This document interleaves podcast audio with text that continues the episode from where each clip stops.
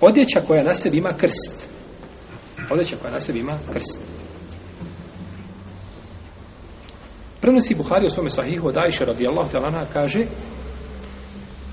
Lem jekun a ne bio sam sam jetruk fi bejtihi šeien fihi tesalib ila nakabahu. Kaže poslanik sam sam nikada u svojoj kući ništa nije ostavio što ima krsteve, krst, a da to nije, jeli, uklanjao nakabahu, uklanjati ili, ili pocijepati ili uništavati u tom smislu. Znači, promijenio bi, znači, bit izgled te ili stvari.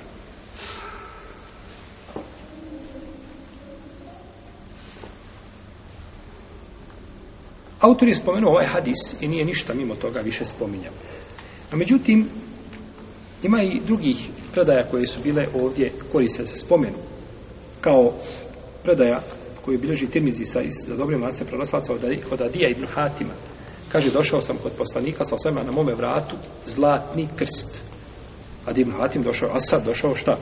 Na vratu krst. Jer je bio kršćanin u redu. Kada je došao, bio je šta? Kršćan, naravno, nije kao musliman stavio krst.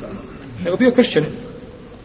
Pa mu kaže poslanik, sallallahu alaihi wasallame, kaže, ja adi itrah anke hadal wathan.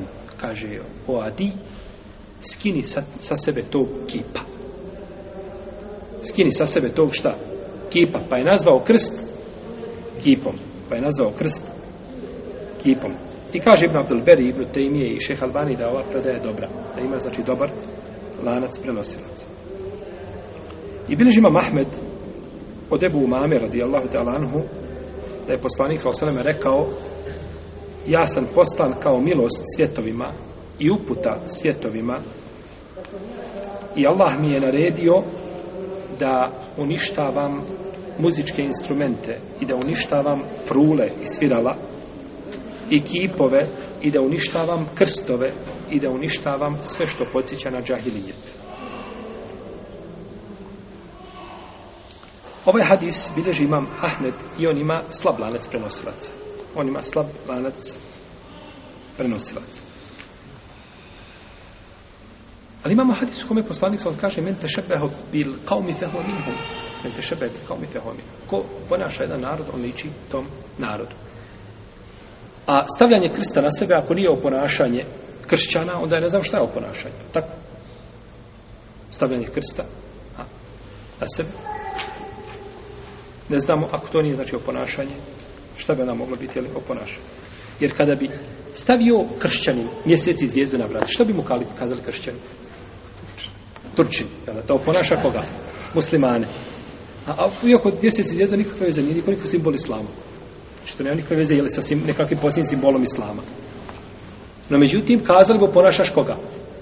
Znači to je poznato, jel? Dok nosiš određenu stvar koja liči znači, jednom narodu, koja je specifična za njih, i, i simbol njihov bio da je simbol vjerski ili nacionalni, nije bitno, o, jeli, smatra se oponašanjem. I ko oponaša jedan narod, kao kaže poslanik, poslanik pripada li njemu. I zato Aisha radijallahu ta'ala je vidjela kako bilježi imam uh, Ahmed sa dobrim lance prenosilaca, kako kaže šejh al-Benna, ovaj, uh, uh, u svome dijelu Fethor Rebani, jeli, u komentaru na to je komentar Mustada imama Ahmeda, vidjela je ženu da, da, da tavafi oko nje ima, ima na sebi ogrtač koji je imao krst na sebi imao je krst. Pa je kazala, Aisha radijallahu ta'ala anha kaže, skini to sa sebe, to bi poslanik sa osaleme a, e, mijenjao kada bi to vidio. Kad tako nešto vidio, znači on bi to podarao, mijenjao bi ili, ili, ili uklanjao bi, uništavao takvu odjeću.